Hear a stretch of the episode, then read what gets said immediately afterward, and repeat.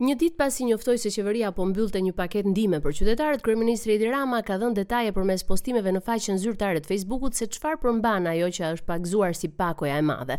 Më herët gjatë ditës njoftoi se 695 mijë pensionistë do të përfitojnë nga 8 mijë lekë nga kjo pako e madhe. Ata do të marrin tetë mijë lekë secili nga pakoja e madhe, ku do të kenë pjesën e tyre një milion shqiptarë, që do të përfitojnë sipas kategorive deri në njëzet mijë lekë, për të zbutur kështu impaktin e inflacionit të luftës deri në fund të këtij dimri të vështirë për mbarë Europën. Ndërkohë Rama tha se në të njëjtën shifër, pra tetë mijë lekë do të përfitojë çdo person me aftësi të kufizuar. Kjo ndihmë sipas tij do të lehtësojë impaktin e inflacionit të luftës mbi konsumin bazë të kësaj shtrese Në muajt e mbetur të dimrit, kreu i qeverisë bëri me dije se edhe përgjatë vitit dy mijë e njëzet e tre do të vijojë subvencionimi masiv i energjisë. Për një milion qytetarë të kategorive të ndryshme, qeveria ka vendosur të lëvrojë një fond prej tetë miliardë lekësh si mbështetje për inflacionin e shkaktuar nga kriza e çmimeve. Sipas Ramës, paketa do të shpërndahet në ditët e para të janarit. Sali Berisha është i bindur se shumica socialiste i gëzohet shpopullimit të vendit, pasi në llogaritë e tyre shqiptarët që largohen janë vota kundër tyre.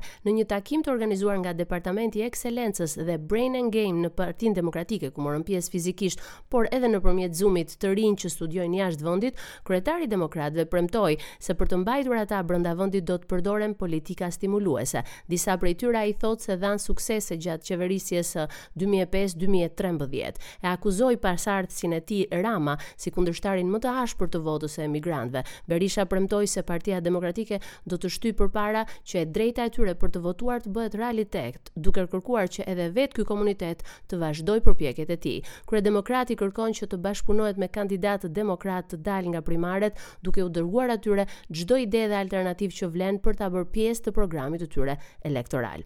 Kryeministri Edi Rama ka reaguar për situatën në veri të Kosovës, kur të premten në mëngjes u hoqën barrikadat e vendosura nga serbët. Në një reagim në rrjetet sociale ai shkruan se në përfundim të kësaj situate të gjithë shkuan në shtëpi, por Rama e konsideron të pakuptimtë vendosjen e tyre si një mjet paqësor proteste në thonjza. E në këtë pikë kreu i qeverisë shqiptare kërkon mirëkuptimin e mbarëkombëtarëve për të mos qenë dakord. Kryeministri thotë se vendosja e barrikadave nga ana e serbëve, të cilën e konsideroi shfaqjen e radhës, nuk i japin zgjidhje tërësore situatës mes Kosovës dhe Serbisë. Komisioni i Pavarur i Kualifikimit ka përmbyllur procesin e rivlerësimit të kalimit të gjyqtarëve dhe prokurorëve për shtatëdhjetë e pesë për qind të listës totale prej tetëqind e pesë subjektesh. Dymbëdhjetë anëtarët e Komisionit në bashkëpunim me stafin mbështetës dhe nën mbikëqyrjen e Operacionit Ndërkombëtar të Monitorimit kanë përparuar me procesin, duke shpallur në sekuenca dhe seanca publike, por edhe në dhomë këshillimi, njëqind e tetëmbëdhjetë vendime për vitin dy mijë e njëzet e dy, duke arritur kështu dhe objektivat e vendosura për shqyrtimin e pjesës më të madhe të dosjeve.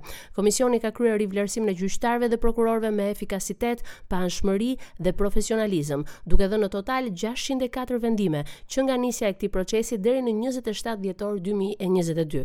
Kjo arritje është realizuar përmes shqyrtimit, analizimit të dosjeve voluminoze shkëmbimit të informacioneve me institucionet ndihmëse, por edhe realizimit të hetimeve të thelluara nga Komisioni për subjektet e rivlerësimit, bazuar në kriteret e parashikuara në aneksin e Kushtetutës, në Ligjin numër 84 2016. Deri në fund të procesit të rivlerësimit mbeten edhe 201 subjekte që do t'i nënshtrohen hetimit të Komisionit, trupat gjykues janë të angazhuar të vijojnë procesin e rivlerësimit deri në përmbylljen e plotë të tij brenda afateve të mandatit kushtetues. Rivlerësimi i gjyqtarëve dhe prokurorëve vlerësohet si një proces me rëndësi kyçe edhe në kuadër të negociatave mes Shqipërisë dhe Bashkimit Evropian ku organet e Vetingut i japin kontribut direkt përsa i përket kapitullit njëzet e tre gjyqësori dhe të drejtat themelore. Avancimi i këtij procesi pritet të shërbejë si një shtysë e rëndësishme në rritjen e vlerësimeve për Shqipërinë në rrugën e saj për sigurimin e një sistemi gjyqësor profesional të pavarur dhe të pakorruptuar.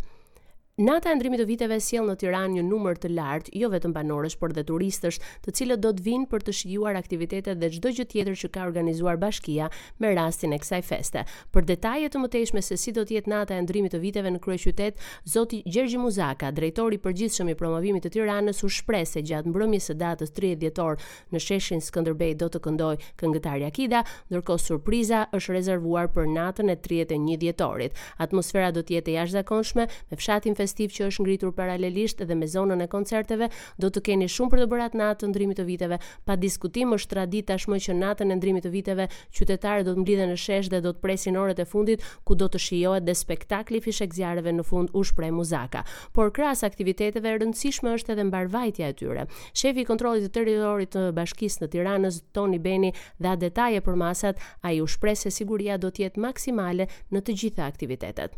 Ky ishte raportimi i fundit për këtë vit nga Tirana, nga unë Gerta Heta, me urimin për një vit të ri sa më të begatë për gjithë, urojmë gëzuar 2023-shin për të gjithë dëgjuesit e Radio SBS. Mirudëgjofshim.